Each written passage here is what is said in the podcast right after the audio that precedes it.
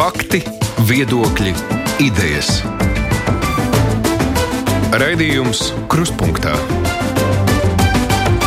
ar izpratni par būtisko. Studijā Mārija Ansone. Katru gadu desmitiem cilvēki iet bojā vai gūst smagas traumas nelēmas gadījumos darbā.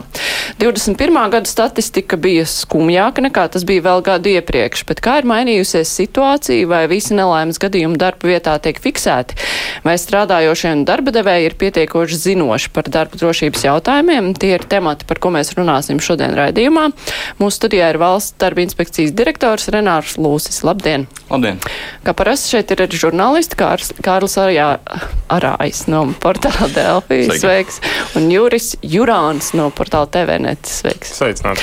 Klausītāji, jūs varat savus vēstules rakstīt, zvanīt, gan nē, klausuli mēs necelsim, bet runājot par šo statistiku, es jau minēju, 21. gads bija sliktāks nekā gads pirms tam. 21. gadā bija 32 bojā gājušie, gadu iepriekš 22. Smago traumu statistika arī tā kā bija sliktāka 21. gadā situācija pasliktinās. Kā ir tagad? Un vai tas ir saistīts ar eh, to, ka patiešām cilvēki vairāk gūst traumas, vai arī uzskaite ir uzlabojusies? Mm. Ja mēs runājam par uh, smagiem un letāliem nelaimes gadījumiem, tad jā, pagājušais gads faktiski bija uh, sliktākais uh, pēdējo piecu gadu laikā, pat ne tikai pret pagājušo gadu, bet pret vispār pieciem gadiem. Tas bija tāds uh, rekords slikts gads. Uh, jāsaprot, protams, arī dusiņi, ka tie, tie apstākļi, kas nospēlēja, bija, ka šis bija tāds pirmais pēc pandēmijas gads, nu, mēs vēl bijām pandēmijā, bet nu, cilvēki jau atgriezās darbos. Un, un tas 20. gadsimts, nu, tur arī, protams, kāpēc tie rādītāji bija tik zemi, bija divas. Uh, dīkstāvis, jā, laiki, kad cilvēki ļoti daudz tādu attālināti, bija vispār šie ierobežojumi, tā kā ļoti daudz lietas nenotika. Tā kā tas 20. gads bija tāds, tā kā, pret ko salīdzināt, varbūt ne tik objektīvi, bet 21. gads, jā, viņš bija ar tādu uzrāvienu, kam ir vairāk, protams, arī iemesli, kad cilvēki atgriezās darbos, varbūt bija aizmirsuši par darba drošību, mainīja darba vietas, devās pie citas nozares strādāt. Tur tie apstākļi noteikti nospēlēja, ka šī nepietiekoša apmācība, nepietiekošā uzmanība par darba drošību nu, viennozīmīgi atspēlējās negatīvi. Ja mēs skatāmies uz šo gadu, tad varētu teikt, ka situācija ir drusku, drusku labāka. Es nesagaidot gada beigas, droši vien ne, nesākšu teikt, ka ir jau kaut kādi reāli uzlabojumi redzami un, un ka bilde ir pozitīvāka, bet druskuļi, teiksim, tā nu, statistika rāda, ka ir drusku nedaudz mazāk gan smago, gan letālu negadījumu. Par uzskaitu jūs jautājāt, faktiski jā, pagājušā gadā bija arī tā saucamie nesmagie negadījumi, bija lielāki nekā citus gadus. Bet tur gan mēs parasti arī skaidrojam un sakam, ka par šo ciparu mēs būtiski nestraucamies. Mēs objektīvi apzināmies, ka līdz mums nenonāk pilnīgi visa informācija, jo šos negadījumus izmeklē darba devēji. Viņiem, protams, ir pienākums ziņot, bet nu, notiek arī šie gadījumi, kad darba devējs darbinieki vienojās, ka šo mēs kā, kā sadzīves uzskaitīsim, nenoziņosim, un, un līdz mums kaut kāda informācija noteikti objektīvi arī neatnāk. Tā kā par to ciparu mēs būtiski daži nerunāsim. Bet tad par uh, ziņošanu ir atbildīgs darba devējs, Jā. un ja neziņo, kas tad ir tāds? Nu, ja neziņo, tad faktiski viņam var būt soda sankcijas, ja mēs noķeram tādu gadījumu, un mēs arī noķeram gadījumus, ka mums atnāk informācija piemēram no slimnīcas, jā, un mēs redzam, ka ir cilvēki guvuši traumas, kuras pēc tā apraksta izskatās diez vai ir mājās gūtas, tad mēs arī noreaģējam, mēs sazināmies šo cilvēku, mēģinām saprast, vai tiešām tas tās ir tāds, ka tas ir sadzīves negadījums vai tomēr noticis darbā. Tad mēs, ja nonākam līdz uzņēmumam, tad uzņēmums par šo neziņošanu var tikt arī administratīvs sodīts. Bet jums ir iespēja, nu, teksim, pašiem kapacitāte ļauj to katru gadījumu izmeklēt. Mēs uh, ejam pakaļ tiem gadījumiem, par kuriem mums vai nu kāds nosignalizē, kurš saka, man bija negadījums, bet darbdevējs man nenoziņoja, kurš pats darbinieks viņš arī to var pateikt. Jā, tas arī atļauts, un tas ir, mēs pat aicinām to darīt, jo tās ir viņa intereses. Vai arī, ka mēs saņemam caur, caur citām, teiksim, kaut kādām informācijām, piemēram, no ārstniecības iestādēm. Cik bieži jūs saņemat šo no ārstniecības iestādēm? À, mēs saņemam informāciju no ārstniecības iestādēm īstenībā regulāri. Katru mēnesi mums atsūta visas traumas, mēs skatāmies par to, kas mums ir noziņots, respektīvi, vai tie gadījumi mums jau ir mūsu rīcībā, un ja mēs redzam kādu aizdomīgu gadījumu, kas, teiksim, nav mūsu informācijā, tad mēs mēģinām iet tālāk un saprast, vai tas varētu būt potenciāli noslēpts nelaimes gadījums. Bet, principā, jūs funkcionējat vairāk tādā pasīvā režīmā, nevis aktīvi, teiksim, meklējot, izmeklējot, nu, kaut kā virzoties šobrīd, nu, jo izklausās, ka jūs paļaujaties vienkārši uz nu, cilvēku labo gribu ziņot. Vai arī ārstniecības iestāde? Nē, nu, tieši nē, no ārstniecības iestāde tas resurs, kur mēs, pēc kura mēs varam noķert šos negadījumus. Jo vienkārši par viņiem uzzināt, ja īpaši šie darba devējs darbinieki ir vienojušies, viņu noslēpt.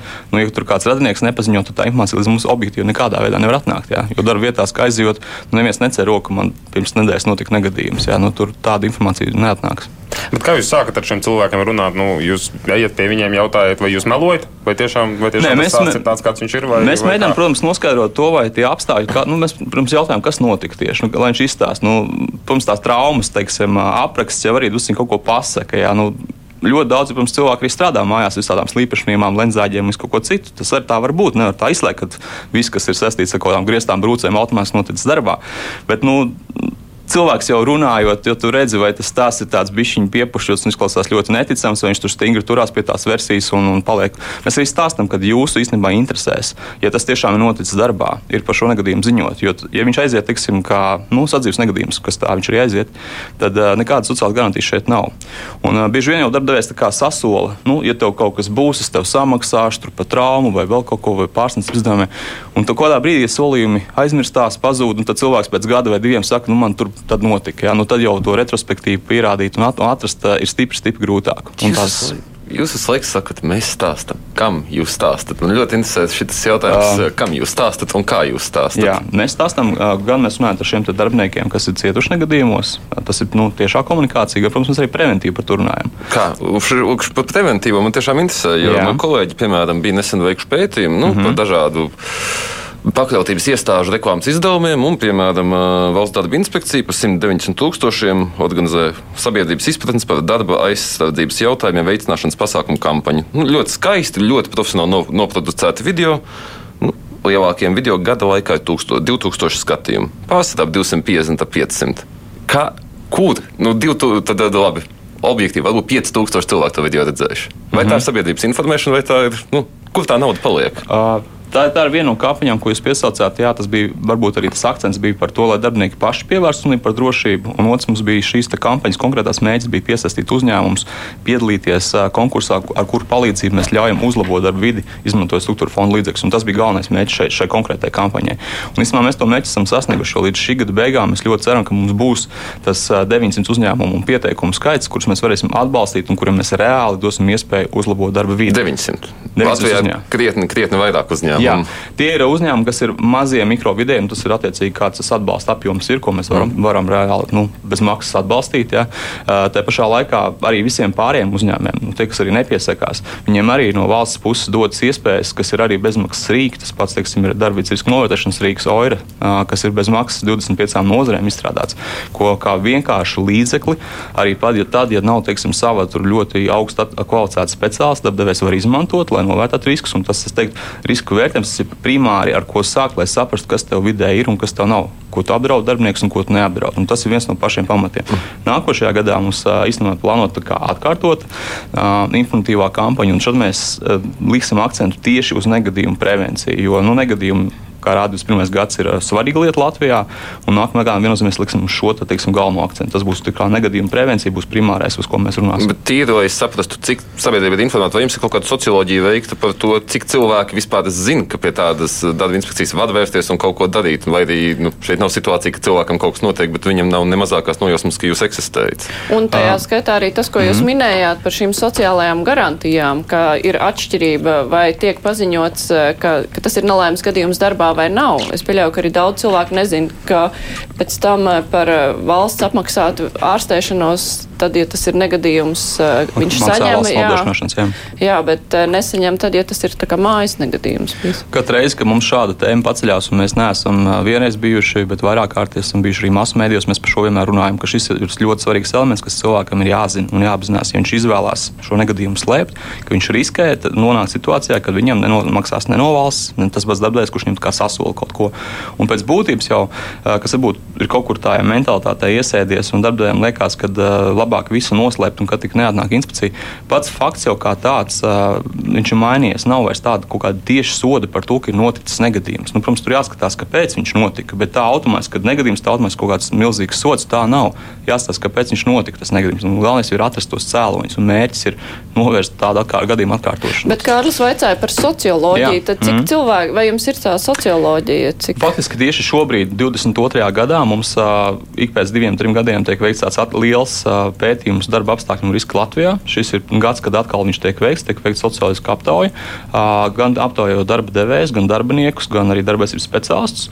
Un tiek jautājumi uzdot dažni dažādie par to, pirmkārt, kāda mums ir situācija uzņēmumos, ar riskiem, ar risku vērtēšanām, ar normatīvu aktu izpildēm ar darbinieku apzināšanos par darba drošību. Tā skaitā, protams, ir jautājumi arī par darba inspekciju, par to, kā mūs uztver darbinieki, kā uztver darba devēji. Tā kā šāda informācija mums ienāk, nu, pēdējais bija, bija laikam 20. vai, vai 19. gads, un tagad būs 22. tā kā svaiga informācija. Tā kā gaidīsim, redzēsim, kā, kā tā biodri mainīsies, bet mēs to pētām un uz to reaģējam.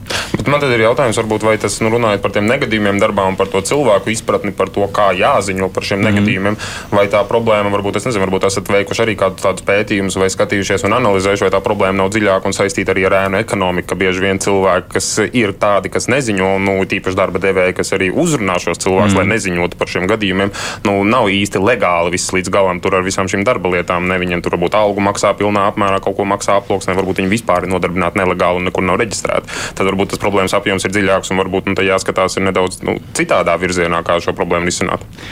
Es nezinu, bet tas būtu gluži cits virziens, bet tas, ka jūs piesaucāt tos argumentus, ka uh, tur, kur tiek pārkt, to mēs arī vienmēr teiksim, arī atkārtojam un uzrunājam darbiniekus varbūt kontekstā ar nereģistrēto nodarbinātību un skaidrojam, kāpēc ir svarīgi noslēgt darba līgumu. Mēs vienmēr arī akcentējam to, ka tajās vietās, kur tiek pārkāpti viena veida normatīvi akti, To gan pētījuma apstiprina, tiek pārkāpta arī citi normatīvi akti. Ja tev piedāvā strādāt nelegāli, bez darba līguma, tad kā, nu, pārējo gan jau viss būs labi, tad visticamāk, ka arī darba drošībā netiks nodrošināts jautājums, nodokļi netiks nomaksāti, sociāla garantīta neiestāsies un, un būs iespējams virkne vēl citu pārkāpumu. Ja, kā, tur, kur uzņēmums izvēlēsies iet ceļu, ka viņš kaut ko dara nelegāli, visticamāk viņam padomā ir pārkāpt ne tikai konkrēti darba tiesību noteikums, bet arī darba aizsardzības nodokļu un vēl un vēl un citus. Tā kā jā, tie uzņēmumi ir īpaša riska grupa. Tāpēc tajos gadījumos, kad mēs ejam pārbaudīt ar mērķi pārbaudēm tieši nereģistrētās nodarbinātības riskus, mēs skatāmies loģiski arī uz darba aizsardzības jautājumu. Un, pat faktiski viens par otru signāls, ja mēs redzam darbiniekus, nu, piemēram, sastatnē vai būvlaukumā bez ekipējumiem, nu, ir potenciāli diezgan liela iespēja, ka viņi arī ir nelegāli nodarbināti. Nu, vismaz kāds no viņiem. Jā, tā kā, tā kā tā, tur ir saikne viennozīmīgi. Vai tur notiek arī kaut kāda sadarbība starp darba inspekciju un, piemēram, vidu? ka, nu, ja vīds atklāja, ka tur, nezinu, ar nodokļiem kaut kas viņam nav līdz galam, viņi tur nemaksā nodokļus, aplošņa algas, vai nu, viņi dod signālu kaut kādu valsts darba inspekcijai, aiziet, paskatieties, kas tur izskatās. Ja? Tieši tā arī ir, kad gadījumā ieņēmuma dienas ir konstatējis, piemēram, aplošņa algas gadījumus, kas potenciāli liecina, ka darbiniekiem netiek uzskatīts arī darba laiks, ir kaut kāda iespējama pārkāpuma darba tiesību jomās, viņi šo signālu mums dod, mums šī informācija konkrētam uzņēmumam atnāk. Kā, un uz otru pusi arī, ja mēs esam konstatējuši nereģistrētu, no arī mēs šie ievedam, mums ir tāds kopīgs serveris, kur mēs abas iestādes piekļūstam, mēs ieliekam šo informāciju šajā serverī, pasignalizējam viņiem, dienas kolēģiem, viņi kaut paskatās, vai no viņas puses ir kaut kāda riska, ko viņi gribētu arī tālāk attīstīt. Mums klausītājs ir uzrakstījis vēstuli. Mūsu uzņēmumā nācās pieredzēt gadījumu, kad darba inspekcija balstoties uz slimnīcā iesniegt neprecīzu informāciju par nelaimes gadījumu, mūsu uzņēmumam nepatiesi apvainoja šī negadījuma nedeklarēšanā un nelegāla darbinieku nodarbināšanā. Pēc eh, klausītāja domām darba inspekcijas attieksme ir bijusi neprofesionāla, viņam personīgi traumējoša, un viņi uzskata, ka inspektori nav bijuši pietiekoši profesionāli. Kas ir darīts, lai tās uzlabotu? Ir iespējams, ka nu, tiek kāds eh, sodīts nepamatoti, vai arī tā pierādīšana ir nu, pietiekoši nopietna, lai nebūtu tā, ka man šķita, ka tas ir darba negadījums, mm. un tāds tas nebija. Nē, nu, pilnīgi noteikti. Teiksim, katrā gadījumā sevišķi ir šāds strīds, ka ka darbinieks bija, bija konkrētā jautājuma autors. Uh, viņš pat apšauba, ka nu, tad jautājums sākās tas jautājums ar to, ka ir neprecīza informācija slimnīcā. Jautājums, kā tā slimnīcas informācija varēja būt tāda neprecīza, un tas droši vien ir uz tiem, kas, kas tā informāciju slimnīcā ir iedevuši. Bet, bet pierādījās fakts no šī gadījuma, kad mēs esam uz to norādījuši. Tad mums bija aizdomīga informācija, mēs gājām un pārbaudījām. Darbinieks saka, nu, ka tur viņam nepatīk, un žēl to dzirdēt, kad, kad pieredz tieši ar kolēģiem nav bijusi, varbūt viņam tā komunikācijā izvērsies uh, veiksmīga. Bet uh, par pierādīšanu kā tādu, protams, katrs gadījums, kas ir nelēms gadījuma izmeklēšanā, viņš ir tiek rūpīgi gatavots. Tur ir tiek sagatavots nelēms gadījuma akts. Uh, bieži vien uzņēmumi arī izvēlās šo aktu varbūt arī apstrīdēt, tad viņš tiek vēlreiz pārvērtēts, un tas arī nav nekas traks, ja uzņēmums uzskata, ka viņš kaut nosaukumu, nepiekrīt kaut kādiem secinājumiem, kad viņš var šo aktu apstrīdēt. Tad vēlreiz skrupulozi jau pārvaldes līmenī juristi ar darba speciālistiem iziet cauri un izskata katru gadījumu. Tā kā, protams, mēs ļoti nopietni vērtējam katru nelēmas gadījumu aprakstu. Jūs pieminējāt šo te datu nu, pētniecību, OIRA, kur var ievadīt darba devējs informāciju savu un skatīties, kā viņam ir ar darba drošību. Vai tāds instruments nav plānots arī darbiniekiem? Es mēģināju izmantot šo te mm -hmm. Instrumentu un man neradās īpaši sapratni par to, kā tad ir ar darba drošību manā darba vietā. Nu, respektīvi, ka tas ir to visi, kas pārzina mm -hmm. visas nianses, kā tā organizācija ir uzbūvēta, varbūt arī to novērtēs, bet pats darbinieks jau nevar saprast īsti. Nu, darbiniekam primāri tas nebūtu arī jādara. Tas ir uzdevums, kas izriet kā uzdevums darba devējiem. Viņi organizē darba drošību uzņēmumā un, attiecīgi, novērtēt arī riskus parasti lielākos uzņēmumos tiek deleģēts speciāls atbildīgais, tad darbības speciālists, kas to veids. Darbības speciālistam gribētu teikt, viņam ir jāiziet vai nu pamatlīmeņa kursi, vai, vai nu, viņš ir augsta līmeņa, viņš varbūt arī universitāti beidz šajā jomā. Nu, tur vispār nevar būt nekāda problēma. Ja darbiniekam būtu parastajiem tā uzreiz kaut ko mēģināt saprast, novērtēt bez iepriekšējām priekšzināšanām, varētu būt pirmajā reizē grūti. Bet par šo rīku runājot, viņš, tas lielais pluss ir tas, ka viņš ir nozarei specifisks rīks, līdz ar to tie jautājumi, kas tur ir veidoti, viņi nav tādi vispārīgi, nu, tā kā, kad tu ieraugi kaut ko, kas pilnīgi neatiecās uz tavu, tavu nozari. Uh, mums ir 25 nozares Latvijā, kas ir viens no lielākajiem skaitļiem vispār Eiropas Savienībā. Uh, Rīks ir bez maksas, uh, kas ir vēl viens pluss, ka viņš piedāvā iespēju izveicot uh, riska vērtējumu caur šo rīku, viņš arī sagatavo pasākumu plānu. Viņš piedāvā arī pasākumus, ja tas atzīmēs un konstatē, ka tur kaut kāda riska pastāv uzņēmumā, tad viņš arī sagatavo priekšlikumus, kā šos riskus novērst. Un tas ļoti būtiski. Un abi šie dokumenti, riska vērtējums, ko var izdrukāt, ja nemaldos, var arī turēt digitālā formātā un pasākumu plāns. Tie ir tādi vieni no pamata, pamata teiksim, normatīvu aktu prasībām, ka tā jābūt katrā uzņēmumā. Jā, un izpildot šo formātu uzņēmums ir izpildījis normatīvas prasības. Tas, domāju, tas ļoti pozitīvs vērtējums. Jā. Nu, jūs sakat, darbiniekam nav jāzina, tas sarežģīti. Bet, nu, Nē, nu, tā tad, jūs, tas, jūs apmēram teicāt, nē, nevis nav jāzina, bet nu, grūti no, saprast, no sarežģīti. Pašam nav jāvērtē. Jā. Bet kā tad darbinieks var zināt, vai tur varbūt ir kaut kādas tās mm -hmm. lietas, kas izskatās minimālas, bet nu, praksē var katastrofāls seks no tā rasties? Mm -hmm. nu, kā, kā, kā, kā var atrast to vidusceļu, lai tomēr arī parastais darbinieks zinātu šīs lietas un saprastu? Jo nu, šobrīd sanāk tā, ka mēs dzīvojam utopijā, kurā visi darba devēji nu, super eh, pildīs šo visu un ievēros. Nu, tā mm -hmm. nav taisnība. Mums katram sevi ir jāspēj pasargāt. Kā tad šis parastais cilvēks to var zināt? Jā īstenībā, ja mēs skatāmies to, kā viņam būtu jānonāk līdz šai informācijai, tad tas ir nākamais solis, kas seko pēc riska vērtējuma, kad darbdevējs informē katru konkrēto darbinieku par tiem riskiem, kas pastāv viņa konkrētajā darbvietā. Vai viņa profesijā, vai darba devējs? Pieņemsim, ka jūs slikts darba devējs. Okay. Slikts darbdevējs. Šis bija variants, ka, kas ir noteikti, kas ir uzlikts par pienākumu darbdevējiem ziņot, izskaidrot un arī ne tikai informēt par riskiem, bet arī apmācīt, kā strādāt. Slikts darbdevējs Ko darīt? Nu, darbinieks droši vien, ja viņš nu, vēlās par savu veselību parūpēties, kā jūs sakat, katrs druskuļi arī par sevi ir atbildīgs, viņš var, noteikti, viņš var noteikti padomāt par tiem riskiem, kādi viņam potenciāli var būt. Viņš var atrast materiālus, ja viņš grib. Viņš sliktākā gadījumā nesaprot neko. Viņš pacēla telefonu, klausot, piezvanīt darba inspekcijai un, un saņemt konsultāciju par to, ja viņam liekas, nu, liekas, varbūt ir tā vai nav tā, vai kaut ko nevajag nodrošināt, piemēram, aizsardzības līdzekļus, vai uz veselības pārbaudi viņam būtu jāaiziet, vai šī konkrētā uzdevuma došana, ko viņš ir saņēmis, vai viņa varētu būt droša. Nu, protams, telefons nav ideāls variants, viņš būtu visu tā pa telefonu, nevar konsultants iedomāties un izstāstīt. Bet, teiksim, šīs te pamatlietas, kas darbiniekiem rodas kādas kā bažas, ja viņš tiešām ir atbildīgs par sevi, viņš var noskaidrot uh, dažādos veidos, meklējot materiālus vai vienkāršākais pats ļoti telefonu klausuli. Uh, par, uh, jā. Es gribēju par attālināto darbu vaicāt. Mm. Tas bija aktuāli 20. 21. gads, ļoti daudz pārgāja uz attālināto darbu, un tad arī parādījās kaut kādas darba inspekcijā sūdzības par to.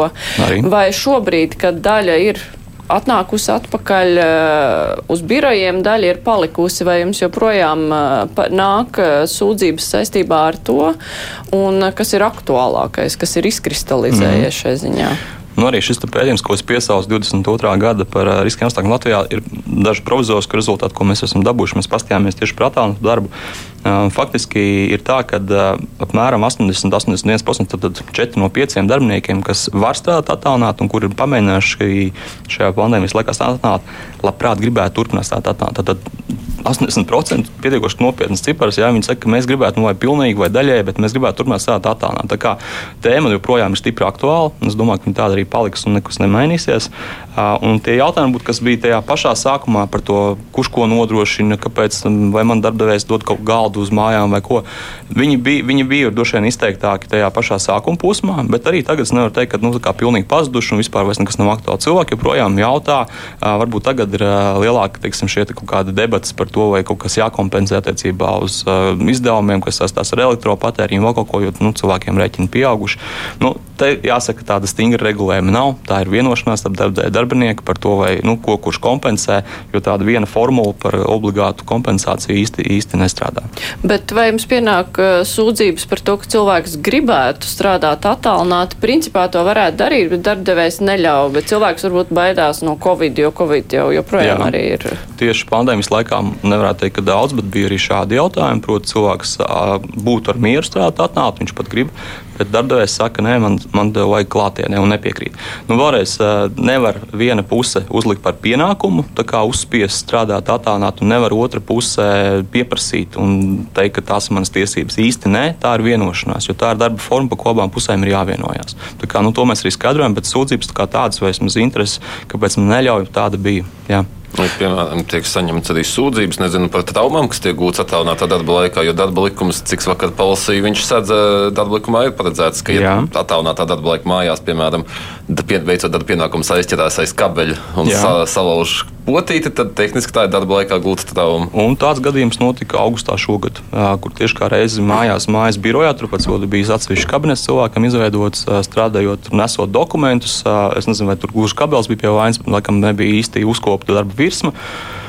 Kundze aizķērās, krita un, diemžēl, lauza gan kāju, gan roku, gan sasita gūžu. Tas bija smags nelagadījums darbā. Tā kā, jā, diemžēl, nu, arī darba vietas mājās nav varbūt vienmēr simtprocentīgi drošas, un negadījumi var notikt un, arī mājās. Izejot no šī, man ir jautājums, kā teiksim, darba inspekcijas sadarbojas ar darba devējiem. Un kaut kādā veidā varbūt veids to darba vietu kontroli. Jo nu, mm -hmm. birojas tur ir viss vienkārši. Mm -hmm. Biroja vadītājs atnāks, izlomās visus, kam nekārtīgs galds vai ko. Bet mājās jau nu, darba devējs īsti arī nav viņam uz galvenā tiesības nākt un pārbaudīt Taisnība. šo darba vietu. Tad kāds ir tas ceļš, ko darīt darba devējiem, lai nebūtu šādi riski? Jā, nu, mēs esam sagatavojuši materiālu, kas ir pieejams uh, mājaslapā strādā vesels.lv. Viņš īstenībā ļoti populārs. Viņu skatās gan darba devēji, gan darbinieki par attālināto darbu konkrēti, kā novērtēt, kam jāpievērš uzmanība. Uh, tas, ko mēs skaidrojam darba devējiem, jo pilnīgi jums taisnība, ka darba devējs nevar īsti pieprasīt, nu, tad man tagad atver mājas durvis un es tagad nākšu to visu dzīvokli, skatīšos un vērtēšu tos riskus.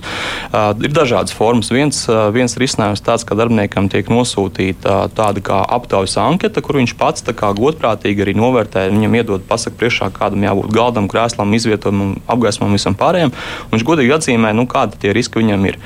Nu, ir darbdevēji, kas iet tālāk, bet tur atkal jābūt sastarpēji vienošanās. Tas būtu ir teiksim, tā uz balansu starp to, cik darbdevējs var darīt un cik darbinieks piekrīt, ka viņš tā dara. Ir savu šo Zoom vai video formātu, tiksim, caur telefonu sazinoties. Viņš teiksim, parāda rekomendāciju darba vietu, te es strādāju. Nu, tad viņam palīdz izskatot, kā būtu tā darba vieta, ir viņa jāpārkārto. Tā kā opcijas ir, to mēs arī skaidrojam. Un, nu, tādu vienu došanu, tādu zelta vidusceļu vai zelta risinājumu nav, bet uh, varianti, kā tiem, kas vēlās sakārtot, viņi noteikti pastāv. Bet kur ir tā robeža? Cik tālu tas skaitās darba trauma, ja tas ir mājās noticis. Nu, teiksim, labi, šeit kabelis vai galds, mm -hmm. bet, nu, darba laikā, veicot darba pienākumus, gūstot kaut vai, kā es minēju, šajā piemērā, kas, diemžēl, ir reāls piemērs ar smagu traumu, tā tika atzīta par darba traumu. Tieši tā. Nu, protams, ja mēs varam savu tēju, brokastīs vai kā, nu, tas nav gluži mūsu darbs, jā, bet, bet veicot darba pienākumus, pārvietojoties vietā, kur mēs strādājam, nu, tas klasificēs kā negadījums. Šajā gadījumā, ja cilvēks, sorry, to ļaušu, uh, ja cilvēks ir melojis tajā nu, aptaujā mm -hmm. un tomēr gūst traumu, tad uh, vai nu tomēr pāries uz to cilvēku vai uz darba devēju tomēr kaut gan. Jo, nu, tiks izmeklēts. Tiks izmeklēts. Mums ir bijuši tādi gadījumi, kas varbūt nesasās tieši ar biroja darbu, bet kur uh, klasiskais negadījums paslīdot. Un tur ir svarīgi kur tas paslīdēs, vai tas ir noticis pirms teritorijas vai teritorijā. Un cilvēks mēģina kā, pierādīt, ka viņš tur bija teritorijā, un tad pēc kamerām pierāda, ka nē, viņš tur īstenībā jau tur vēl labu gabalu nākotnē ir pakritis, un tas īsti nav darbdevēja vainas dēļ. Tā, kā, jā, tā ir izmeklēšana, tā ir abu pušu viedokļu noskaidrošana, nevienmēr vienkārša, dažreiz pretrunīgas informācijas nāk, un nu, jā, kādreiz būt ļoti grūti pateikt, kur tā taisnība ir. Bet tā ārstniecības izdevuma sekšana, ja tā darba trauma ir notikusi, piemēram, darbinieka vainas dēļ, jo viņš pats to savu kabeli tur ir stiepis, tad, nu, Kurš nu, teiksim tā, šobrīd pat pie negadījuma mēs tā īsti um, nesakām vainas dēļ. Jā, šī šī te, nu, teiksim, leksika, kas tika izmantot pirms desmit gadiem, tāda darbdevēja vainas dēļ, darbinieku vainas dēļ, īstenībā vairs nefigurē. Tiek noskaidrots cēlonis. Nu, šī gadījumā tas konkrēts piemērs, par ko es stāstīju, kas notika augustā, pavisam nesen, uh, tika konstatēts divas lietas. Tad viens bija uh, nekopta darba virsma un otrs bija darbinieka neuzmanība pārvietojoties. Nu, diemžēl viņš ne, bija pielicis savu dokumentu priekšā, nesen neredzēja, kas zem kājām notiek. Nu, šis bija tas cēlonis. Nenozīmē, ka viņš zaudē tiesības uz sociālo atbalstu veselības uh, izdevumiem. Nē, viņš nezaudē. Ja tas notiktu kā sadzīves negadījums, tad gan tā būtu viņa atbildība un viņa, viņa teiksim, paša teiksim, izdevuma.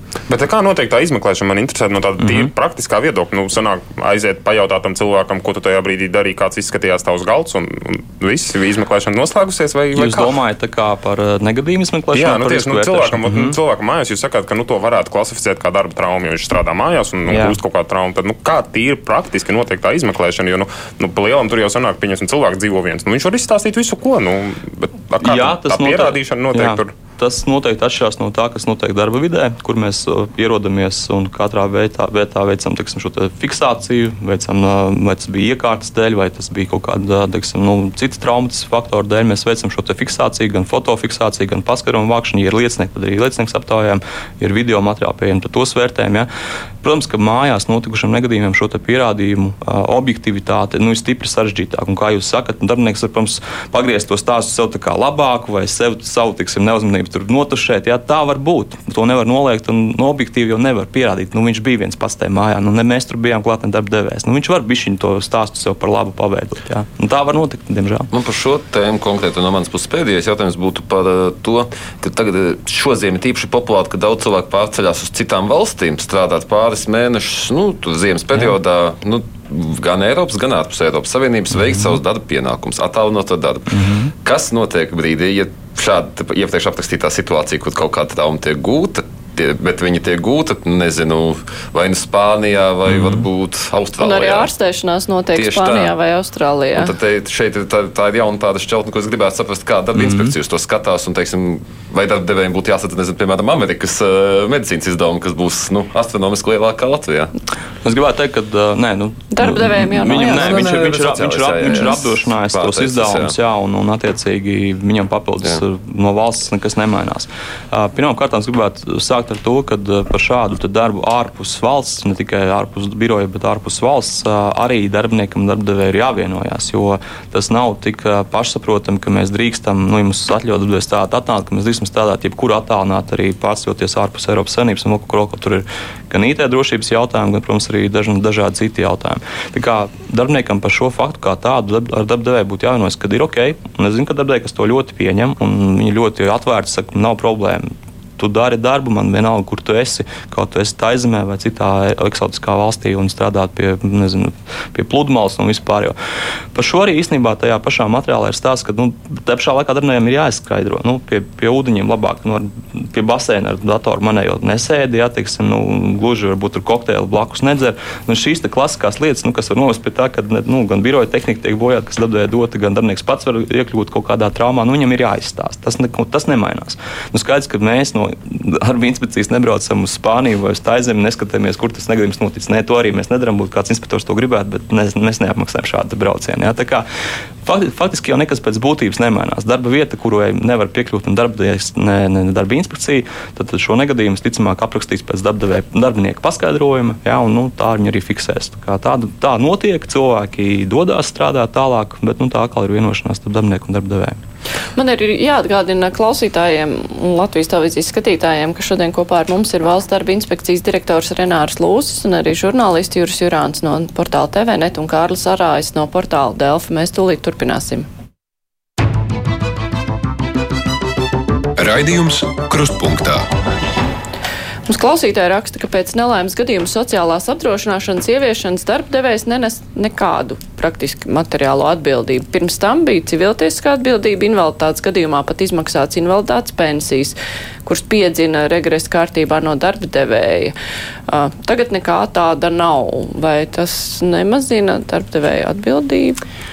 Nu, ja visu teiktu, valsts jā, nu, par to atbildību vai par tām sekām es teiktu, ka katrs negadījums eh, joprojām nav nekas pozitīvs eh, arī darba devējiem. Jo tas viennozīmīgi viņam rada zaudējumus. Gan tas, ka viņam labs cilvēks, darbinieks ir izkritis no apgrozījuma, gan tas, ka ir kaut kāda arī materiāla tehniskie, bieži vien ir notiek kaut kāda lielāka negadījuma kā Viņa interesēs nav, ka notiek nelaimes gadījumi. Viņam nevajadzētu baidīties par to, ka inspekcija atnāks no, no tā fakta. Viņam vajadzētu baidīties par to, ka viņš zaudēs cilvēku, viņš zaudēs tiešām savu biznesu, reputāciju. Zināmā mērā bieži vien, un sevišķi tas ir uzņēmums, kurš strādā kaut kādā starptautiskā vidē vai ar partneriem, ja, ar partneriem arī nopietniem Latvijā. Viņš var zaudēt iespēju sadarbības līgumam. Ja, tā kā es teiktu, no tā ir daudz vairāk jābaidās pirmkārt no tā sava cilvēka zaudēšanas nekā no kaut kāda inspekcijas soda vai valsts administratīvā kaut kāda atbildības iestāšanās.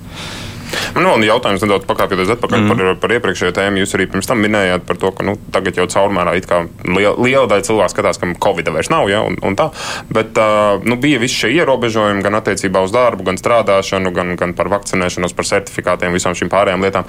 Vai tagad darba inspekcijā ir vērojams kaut kāds vēl joprojām cilvēki nāk ar sūdzībām par pārkāpumiem šajā pandēmijas laikā, vai, nu, nu, vai no darba devēja puses, vai varbūt darba devējs nāk ar sūdzībām kaut kādām, vai, vai ir ievērojams vēl joprojām, ka cilvēks sūdzās par to darba inspekcijā, vai tomēr nu, tas jau kaut kā ir aizmirsies cilvēkiem? Nē, nu stipri mazāk. Noteikti, ka stipri mazāk nevar salīdzināt teiksim, šo gadu ar pagājušo gadu, kad mums nu, burtiski faktiski dažos mēnešos pat dubultojās pieprasījums skaits pēc skaidrojumiem, pēc arī kaut kādām sūdzībām. Tā kā, jā, tas, tas bija bums, kas bija pagājušajā gadā ļoti izteikts. Mēs arī būtiski palielinājām konsultantu skaitu, lai varētu apmierināt šīs konsultācijas. Nu, šobrīd tieši šie jautājumi nu, ir drusciņi pagājuši otrā plāksnē, un nevarētu teikt, ka nu, ir pa kādam, bet nevarētu teikt, ka tā ir kaut kāda īpaši aktuāla lieta, par ko vēl joprojām kāds ceptos. Jo man liekas, arī tās prasības pēc vakcinēšanas, nu, ir viens prasa, jā, kāpēc man darbdevējs liek valkāt masku, jā, teiksim, medicīnas iestādē. Bet medicīnas iestādēm ir regulējums, kurš viņiem ļauj to darīt, viņas to dara. Un, nu, arī darbiniekam nepatīk, bet nu, viņiem ir uzdevums to masku tomēr nesāt. Jā. Kā, jā, ir jautājumi, ir, bet noteikti stipri mazāk kā viņi bija pagājušajā gadā. Klausītājs vaicā par pašnodarbinātājiem un viņu tiesību aizsardzību. Tā ziņā, ka arodas, no, arodas slimību joma ir nesakārtota klausītāji tā uzskata, jo, lai iziet arodas slimības komisiju hronisku saslimšanu rezultātā, kas arī radies aroda dēļ, ka tā ir neiespējamā misija. Respektīvi, viena lieta, ja ir darba devējs mm. un, teiksim, tā viņa darba vide, cita lieta, ja cilvēks pats sev ir darba devējs, bet viņš savas darbības rezultātā iegūst saslimšanu, un tā ir aroda slimība. Nu, Pašnodarbinātā ir noteikti tāda uh, grupa, kurā daudz jautājumu nav vienkārši, kas attiecās uz darba organizāciju un uz šo te apdrošināšanu. Pirmkārt, arī darba aizsardzības likumā ir teikts, ka pašnodarbinātais uzņemās atbildību par, pats par savu darba drošības organizēšanu un visu pārējo. Ir negadījumi, kas notiek arī ar pašnodarbinātajiem, bet nu, tas likuma no likuma izvēle, ka viņš pats kā sev darba devējs ir atbildīgs, tad nu, īstenībā nevar teikt, ka tur kādam jāiestājās. Arī mēs ne, īsti neizmeklējam tos nelaimes gadījumus. Nu, jā, bet notiek. tāpēc viņi arī vaicā par arodas slimībām, jā, jo jā. ir nu, saslimšanas, kuras rodas vienkārši ilgstošas strādāšanas profesijā dēļ. Jā, nu, ja viņš ir brīvprātīgi pievienojies šai apdrošināšanai. Ko dara ļoti, ļoti kurš reti, jo viņiem nav obligāti jāapdrošinās par tādām slimībām, aroslīmām. Ja? Tad iespējams, ka tur ir kaut kādi varianti, bet citādāk viņš nav šai apdrošināšanai pakļauts, un to viņš nevar iet un prasīt šo aroslīmības klasificēšanu savā. Bet esmu dzirdējis ne tikai par pašnodarbinātiem, mm -hmm. arī Mhm. cilvēkiem, kas strādā, nu, kas, kas strādā kā nodarbinātie pie kāda cita. Arī viņi ir sūdzējušies par tām, nu, šo garo, pārlieku birokrātisko un super sarežģīto procesu, lai nokārtotu šo aroslimību. Vai nu, ir, es nezinu, kaut kādi nu, mēģinājumi, vai, vai vispār ir kaut kādas domas, kaut kā vienkāršot šo procesu, lai cilvēkiem ir vieglāk vispār saprast, kas viņiem pašiem ir jādara. Mm -hmm. nu, tik, cik, tik cik tas skar mūsu iestādi, mēs neesam, protams, centrālajā punktā šajā, šajā visā procesā, bet mēs esam tur iesaistīti. Tajā brīdī, kad arotslimību ārsts vai ārslimību ārsta komisija lēmj, ka viņiem ir ļoti svarīgi saņemt šo darba vietas higiēnisko raksturojumu, šo aprakstu, kādi tur tie apstākļi īsti ir bijuši, tad mūsu inspektori dodas šo darbu vietu vērtē veic paskaidrojumu pieprasījumus no darba devēja, no darbinieka un, un dot kā papildu informāciju ārstam. Kas pilnīgi jums taisnība, tas process nav vienkāršs, viņš mēdz būt diezgan garš. Garš, jo kamēr izstāta viena komisija, tad ir mūsu uzdevums. Mēs ejam vēl pārbaudīt, esam dodam atpakaļ, viņa kaut to visu vērtēt. Tas process nav vienkāršs. Mēs esam uh, ierosinājuši jau nu, kādu laiku atpakaļ, mēs esam ierosinājuši, ka varētu vērtēt iespēju vispār darba inspekcijas loma šajā visā mazināt. Proti, nu, tomēr paļauties uz to darba vietas aprakstu, ko dod darbinieks. Un, ja darba devējs apstiprina, ka tā tas ir, nu, tad ne, nevajag vēl šo te pa vidu mūsu iesaist ar kaut kādu vērtēšanu, paskaidrojumu vispār. Un bieži vien, kas ir vēl viens moments, jā, kad uh, darbinieks strādā jau 5, 6 gadus pie pēdējā darba devēja, bet iespējams tā roslība ir iegūta vēl kaut kad stipri, stipri iepriekš citā darba vietā, kas varbūt jau sen ir likvidēta. Jā. Nu, cik liela nozīme ir tam, ka mēs ejam un vērtējam šo pēdējo darbu vietu un mēģinām paskaidrot, kas tur tagad viņam ir. Ja īstenībā tā aroslīnija ir iegūta un aroslīnijas iegūst īstenībā ilgstošā laika posmā, 20, 30, kad viņi attīstās. Jā. Tā kā mēs esam rosinājuši druskuļi to procesu, nu, vismaz no birokrātijas puses, no mūsu nepieciešams iesaistīties mazināt, ņemt mūs ārā un tikai kaut kādos nu, strīdus gadījumos, kad nu, katra puse stāv pie sava, ka tur darbdevējs saka, nē, tā nav, darbinieks saka, nē, man ir tā, nu, tad mēs varam kā tādu izšķīrē aiziet un pārbaudīt, pārliecināties un dot ārstam informāciju. Bet citādi es domāju, ka ārsti ir pietiekuši kompetenti un nu, viņi spēj sastāstīt to risku aprakstus kas ir profesijās konkrētajās ar tām arotu slimībām, kas potenciāli varētu būt. Nu, viņi strādā gadiem, desmitiem gadu, jo viņi zina jau to arotu, kas kurā jomā ir. Kāda ir situācija un varbūt tieši ar inspekcijas lomu? Šobrīd ļoti daudz cilvēku strādā, piemēram, par Boltu, Voltu un citu veidu kurjeriem, nu, kas arī ir zināmā mērā paaugstināts bīstamības darbs, jo tas ir visu laiku satiksmē, tur visādi var gadīties. Un, pirmkārt, vai, vai inspekcija kaut kā vēršas šādi cilvēki pie jums, un tīpaši, ja mēs skatāmies, ka tur ļoti daudzi tomēr arī citautieši strādā, mm. un kāda ir, teiksim, inspekcijas loma un varbūt rezultāti tieši mm. strādājot ar šādi, šādiem cilvēkiem tādi gadījumi, kad pie mums vēršās ir ļoti, ļoti maz, tas ir tāda viena iemesla dēļ, jo pamatā, pamatā šie platformās dažādās nodarbinātie darbinieki īsti neskaitās kā darbinieki. Nu, lielā daļā platformu viņi ir kā pašnodarbinātie, kuriem saka, ka es strādāju, ka es gribu. Arī tās attiecības, kas tiek veidotas, teiksim, nu, netiek veidotas uz tāda tīri klasiskā uh, darba līguma pamata. Protams, tur vienmēr var būt strīds, kas ir tie faktiskie darba apstākļi, kāda ir faktiskā nodarbināšanas nosacījuma, un, un ir gadījumi, kad var vērtēt, vai tā pakļaušanās forma forma tomēr neatbilst tuvāk darba tiesībām nekā tā ir kaut kādai pašnodarbinātai. Bet es teikšu, godīgi, šī platformu ekonomika, platformu nodarbināšana, ir karsta tēma visā Eiropas Savienībā. Nav tāda viena Eiropas regulējuma, kurš saka, ka tagad viss klasificējas tā. Ir valstis, kuri, kuri atzīst, ka tā būtu viņa stipri aizliegt šīs platformas, nu, mēģināt viņas pasniegt kā pašnodarbinātas formu. Viņi pasaka, ka viņi visi ir darbinieki. Ir trešās uh, opcijas, kur saka, jūs neesat darbinieki, jūs neesat pašnodarbināti, tas kaut kas pa vidu. Viņi ar likumu to nosaka, teiksim, citās valstīs. Mums gadījums ir vai nu tu esi pašnodarbināts, vai nu tas darba, darba tiesiskajās attiecībās. Klasiskajā gadījumā es teiktu, šie te kurjeri uh, visbiežāk būs tajās platformās, kur viņi paši akceptē darbus, tos daru, tos nedaru. Ja? Kaut gan tur ir noteikti pazīmes, kuras varētu vedināt uz domu, ka viņi varbūt jā, arī atbilst. Es tieši jautāju saistībā ar to, ka Eiropā ir tas lielākais kartupils šobrīd, mm, un nu, Eiropas cenšas šobrīd izstrādāt direktīvu, bet nu, ne tuvu tam nesam. Vai darba inspekcija ir domājusi, varbūt iet ar kādu rosinājumu uz saimnes valdību ar teikumu, klau? Nu, situācija ir šitāda. Varbūt iegrozam kaut kādu regulējumu un paskatāmies, kura valsts mums labāk patīk un paņemam. Jo nu, šobrīd nu, tiešām tā situācija ir tāda, ka tie cilvēki ir faktiski neaizsargāti. Un, nu, vai tā tam būtu jābūt, nu, tas ir jau laikam citiem jautājumiem. Nē, šīs debatas uh, nav, nav tā kā vakar vai aizvakar. Viņas notiek, es faktiski teiktu, regulāri. Gan mums notiek debatas iekšēji Baltijas valstu kopumā ar darba inspekcijām. Mēs diskutējam par to, kā kurā valstī ir. Gan mēs ar kopā ar Ziemeļvalstīm gan arī Eiropas līmenī. Šie jautājumi ik pa brīdim izpeld. Kā jūs pareizi teicāt, tāda vienota Eiropas regulējuma vai direktīvas, kas pateiktu, kā tad visiem būtu jāsako, nav. Mēs esam diskutējuši arī ar ministriju, un, kas, kas ir mūsu rokošā ministrija un likuma, likuma teiks, teiksim, tā, iniciatori par to, vai iespējams vajadzētu vai nevajadzētu. Ir bijis pat pētījums par to, kādas, kā teiksim, strādā šīs te pašnodarbības formas, un vai tur būtu normatīvs regulējums jāmaina. Nu, šobrīd nav tāda teiksim, vienota uh, nostāja panākta starp darba devējiem, darbiniekiem, valdību, ka teiktu, jā, Latvijā mēs gribētu mainīt šo konceptu starp darba tiesiskajām attiecībām un veidot kaut kādu pa vidu vai pieskaitīt viņus automātiski darba tiesiskām attiecībām. Nu, diemžēl tāda vienota, skaidra uh, lēmuma, ka Latvijā mēs kaut ko ļoti gribam šobrīd izmainīt, pagaidām nav. Pagaidām nav. Runājot par ārzemnieku nodarbināšanu no Ukrainas, tagad daudz cilvēku strādā, vai ir sūdzības arī par viņu nodarbināšanas kaut kādām nu, arī traumas, kur notiek, vai nezinu, netaisnīga alga mm. tiek maksāta. īstenībā bija, nu, bija pašā sākumā, līdz tas uh, process viss sākās, bija mums signāli, kad uh, daži darba devēji mēģina, uh, jāsaka, ļoti negodprātīgi šī gadījumā izmantojot cilvēku situāciju, uh, piedāvāt atlīdzību, kas ir zemāka par to, kas Latvijā tiek normāli piedāvāt, pat zemāk par minimālo algu. Nu, ja mēs šādu signālu saņemam, mēs, protams, automātiski dodamies uz, uz šīm pārbaudēm.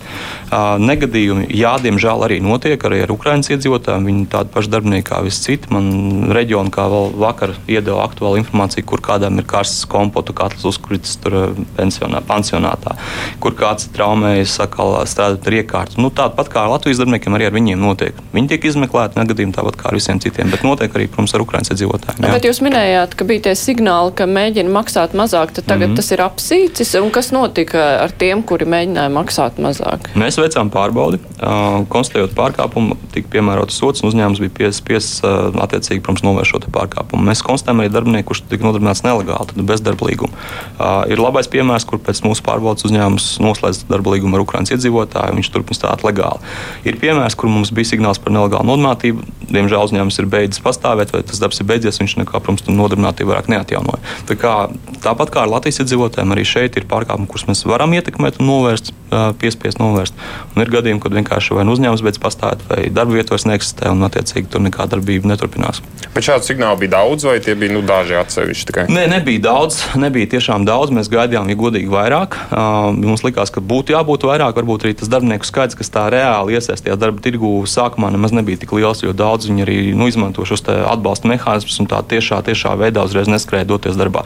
Tagad varbūt cilvēki tomēr bišķiņu vairāk iesaistīti darba tirgū. Nu, ir, ir gadījumi, mēs viņus skatām tāpat kā visur citur. Mums arī ir noruna, kad mēs dodoties pārbaudē klasiskajā, parastajā uzņēmumā ienākot inspektoram, mēs arī jautājam, vai jums arī ir ārvalstu nodarbinātie, vai jums ir Ukraiņas nodarbinātie. Un, ja ir, tad mēs vienkārši mēģinām ar šiem cilvēkiem saknoties un pajautāt, vai viņiem viss ir kārtībā. Nu, tā kā viens tāds preventīvs elements, ko mēs darām. Bet vēl arī runājot par, par ārzemju nodarbinātajiem, pati darba inspekcija augusta beigās stāstīja, ka nu, tur, tur sacēlās tā diskusija par TV kanāla došu darbiniekiem un, un viņu vīzu atbilstību darba, darbam Latvijā. Un, nu, inspekcija teica, ka nu, viņi to vērtēs. Jā, mums bija tikšanās, mums arī bija Zoom tikšanās ar šiem dožu un attiecīgi viņu Latvijas pārstāvjiem. Mēs skaidrojam šo atšķirību, kāda, kāda ir noteikumi gan par šīm darba atļaujām, gan par to, ka jo tur bija tā nianse, kad, kas izskat, izskatījās tajā publiskajā telpā, ka cilvēks sev pozicionē kā Latvijas jau kaut kādas kompānijas vai vismaz iepriekšējās komandas tādu pašu nosaukumu darbiniekiem, kamēr realitātē viņi vēl nebija iegūši darba atļaus, viņi vēl nevarēja īsti strādāt. Un mēs arī izskatām šo atšķirību, ka, ja jūs turpināt kaut kādu brīvprātīgo žurnālistiku, publicēt kaut kādas rakstus, viss ir kārtībā. Jūs varat teikt, ka jūs esat bijušie Dožģi vai Medūza vai kādu, kādu pārstāvu no Krievijas, bet tajā brīdī, kad jūs sakat, mēs esam Sijā doži vai kas tur tajā brīdī veidojās darbinieki, tad, protams, mums ir no, pienākums pārbaudīt, vai jūs reāli jau esat nodarbināti vai ir nodarbināts darbtieskas attiecības un uzņemts ieņēmuma dienestam vai darbā atļauts saņemšanu vispār. Tā kā to mēs izskaidrojām, nu, tajā brīdī likās, ka viss ir saprotams un nekāda turpmāk tāda signāla vairs nav nākuši. Tad, uh... Padomājiet, bija par valodu jautājumu tieši. Arī jūlijā atradu virsrakstu, ka darba inspekcija ir iecerējusi prasīt sludinājumos norādīt pamatojumu svešvalodas nepieciešamībai. Eh, nu, cik es pa, vēl pēc tam papētīju līdz arhīvus, neatradu, ka šīs rosinājums būtu tālāk aizgājis. Varbūt zināms iestrādes iestrādājās tajā valodas stiprināšanas likumā, bet, mm nu, mhm. principā es neatradu, ka šāds būtu piepildījies, vai joprojām tā iecer spēkā. Tas bija godīgi Labklājības ministrijas virzīts priekšlikums likuma projektām. Mēs, gan, protams, ar ministriju par to runājām. Mums ministrija izstāstīja, kāda, kāda, kāda bija tā vēlme, kāpēc tāds, tāds virzījās piedāvājums. Bet jāsaka, ja, ja tā pavisam godīgi, tad arī šobrīd, arī šobrīd faktiski darba devēja devējiem. Ja viņš eh, pieprasa svešvalodas zināšanas, viņam jāspēj pamatot, kāpēc tas ir vajadzīgs. Tajā regulējumā, kas bija tā iecerētā ideja, bija, ka viņam katru reizi publicējot, jau ir jāpamato. Nu, tas kā drusku preventīvi būtu, ka viņš jau tajā brīdī, kad viņš prasa, viņš jau saka, kāpēc viņš to dara. Uh, bet šobrīd, arī, arī, arī tagad, kas ir pēc vecā regulējuma, tad, tad jā, viņš ir paprasījis svešvalodas zināšanas, un kāda no pusēm, tiksim, kandidāts, kas pretendē, vai mēs esam pamanījuši šo prasību sludinājumu, pa kur kāds ir sūdzējies mums, mēs prasām, kāds ir pamatojums, kāpēc jums šajā konkrētajā amatā profesijā ir vajadzīgs svešvaloda. Viņam ir jāspēj pamatot, viņš nespēja pamatot, viņš kādam jautājumu ir atteicis, tad tā ir jau faktiski diskriminācija vai atšķirīga attieksme pēc šīs valodas pazīmes. Tad tas ir nu, pārkāpums, kas bieži sanāk šitā jau jautāt. Jā. jā, jautāt sanāk bieži. Jautāt sanāk bieži, pierādīt pārkāpumu stipri, stipri retāk, jo nu, sevišķi tur, kur ir saistīts darbs ar kaut kādiem ārvalstu uzņēmumiem, ar klientiem no Austrum Eiropas, vēl jau vairāk kaut kādā m, turisma nozarē, nu, tur diezgan pamatot, kāpēc cilvēki to prasa. Bet, nu, jūs sakat, pie, pierādīt, tas sanāk retāk, vai tur tie argumenti neskan, jā. Jā, mm. vai tie argumenti, nu, ka mums varbūt kādreiz ir saskara ar kādu no ārzemnieka, tas tiek tas uzskatīts tas par vāju. Tas ir pa vāju, ja viņš saka, kādreiz varbūt būs, jā, nu, tas, tas noteikti ne, bet ja viņš, piemēram, nu, kā viens tas skaļākais gadījums, kas man liekas bija tajā, tajā mediju, mediju sociālā mediju vidē, bija par, par kompāniju, kas prasīja jaunietim tieši specifiski krievu valodas zināšanas. Nu, izrādās, ka tas jaunietis eh, bija meklēts uz tieši gida pakalpojumiem ar turistiem. Nu, skaidrs, ka tur tas pietiekoši argumentēts. Mums bija grūti pateikt, ka tas pretēji likumam ir.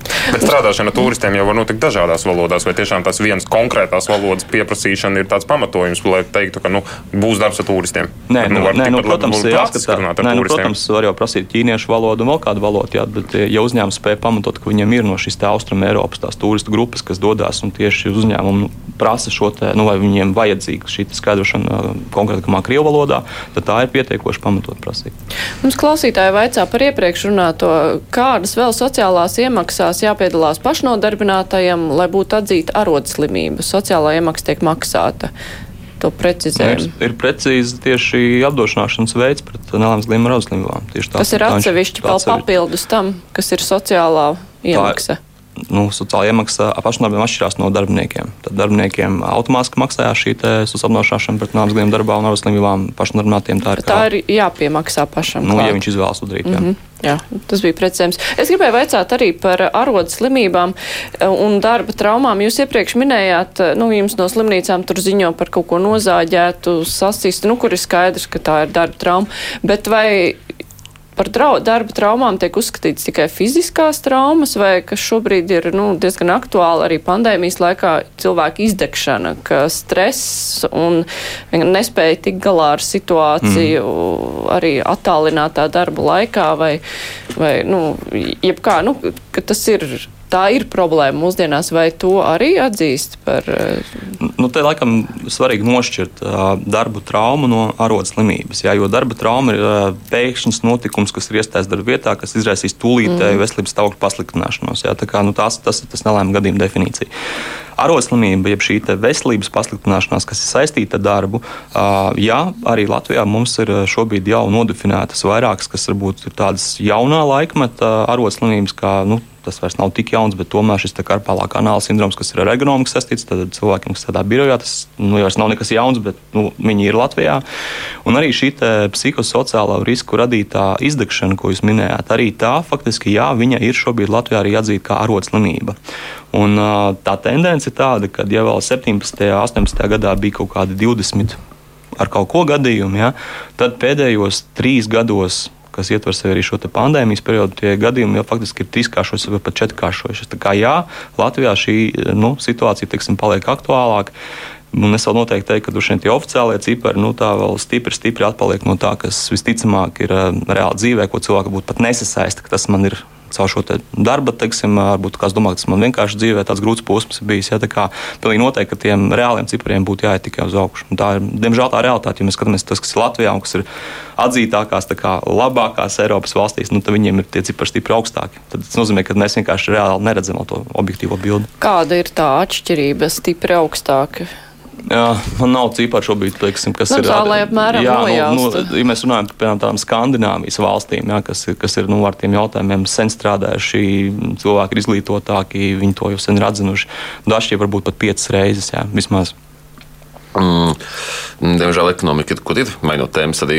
Vai ir jau pirmās pazīmes, ka varētu sakot kolektīvās atlaišanas, kas atceros, ka teiksim, pandēmijas sākumā bija tur vairākas mm. skaļas, un vai tagad, nu, uzņēmumi nedod signālus, ka varētu būt? Nu, Es noteikti neizslēgtu to, bet tieši šobrīd tādi signāli līdz mums pagaidām nav atnākuši. Un šogad ir bijušas kādas vai nav bijušas? Atkal man, manā ieskatā tādas lielas kolektīvās atlaišanas šobrīd nav, nav bijušas arī pēdējā laikā. Ne. Man paturpinot nedaudz kolēģi jautājumu, tad varbūt no tādas citas, citas puses skatoties, ņemot vērā to, ka nu, ir tā akūtā taupība visur, gan energoresursos, gan birojos, gan visur, visur, visur.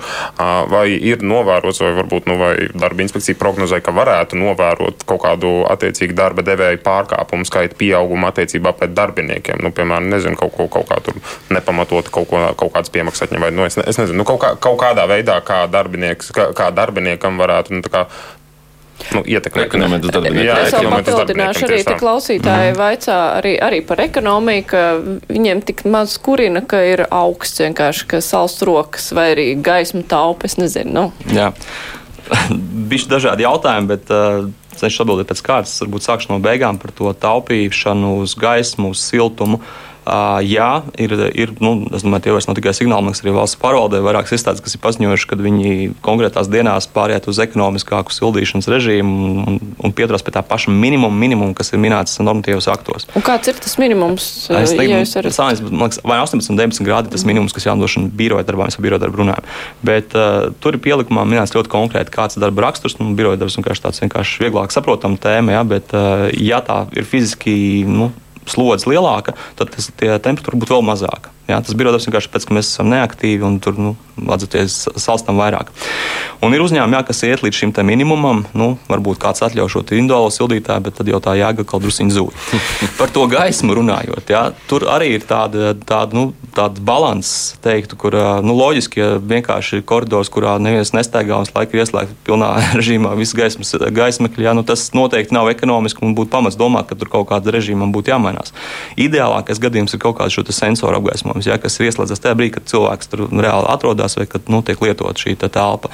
Uh, Ir bijuši gadījumi, kad šādu sensoru tur nav, un vienkārši tie koridoros izslēgta gaisma, un kas, diemžēl, atkal novada pie tā, ka kāds paklūp, paslīd, jo viņš ir gājis pa tumšu gaiteni. Tā kā tur tas balans teikt, ļoti šaurs un būtu ļoti jāizvērtē, vai tiešām var atļauties tā pilnībā nu, aptumšot kaut kādas telpas, pa kurām cilvēki pārvietojās. Par to ekonomisko situāciju pilnīgi noteikti. Katra krīze ir potenciāli risks, kad kāds mēģinās taupīt uz darbinieku, tā skaitā uz darba drošības rēķina. To mums parādījuši visas iepriekšējās ekonomiskās krīzes, gan ekonomiskā, gan pandēmijas, kad, kad uh, mēģina rast risinājumus, kā teiksim, nu, saglabāt uzņēmējdarbību.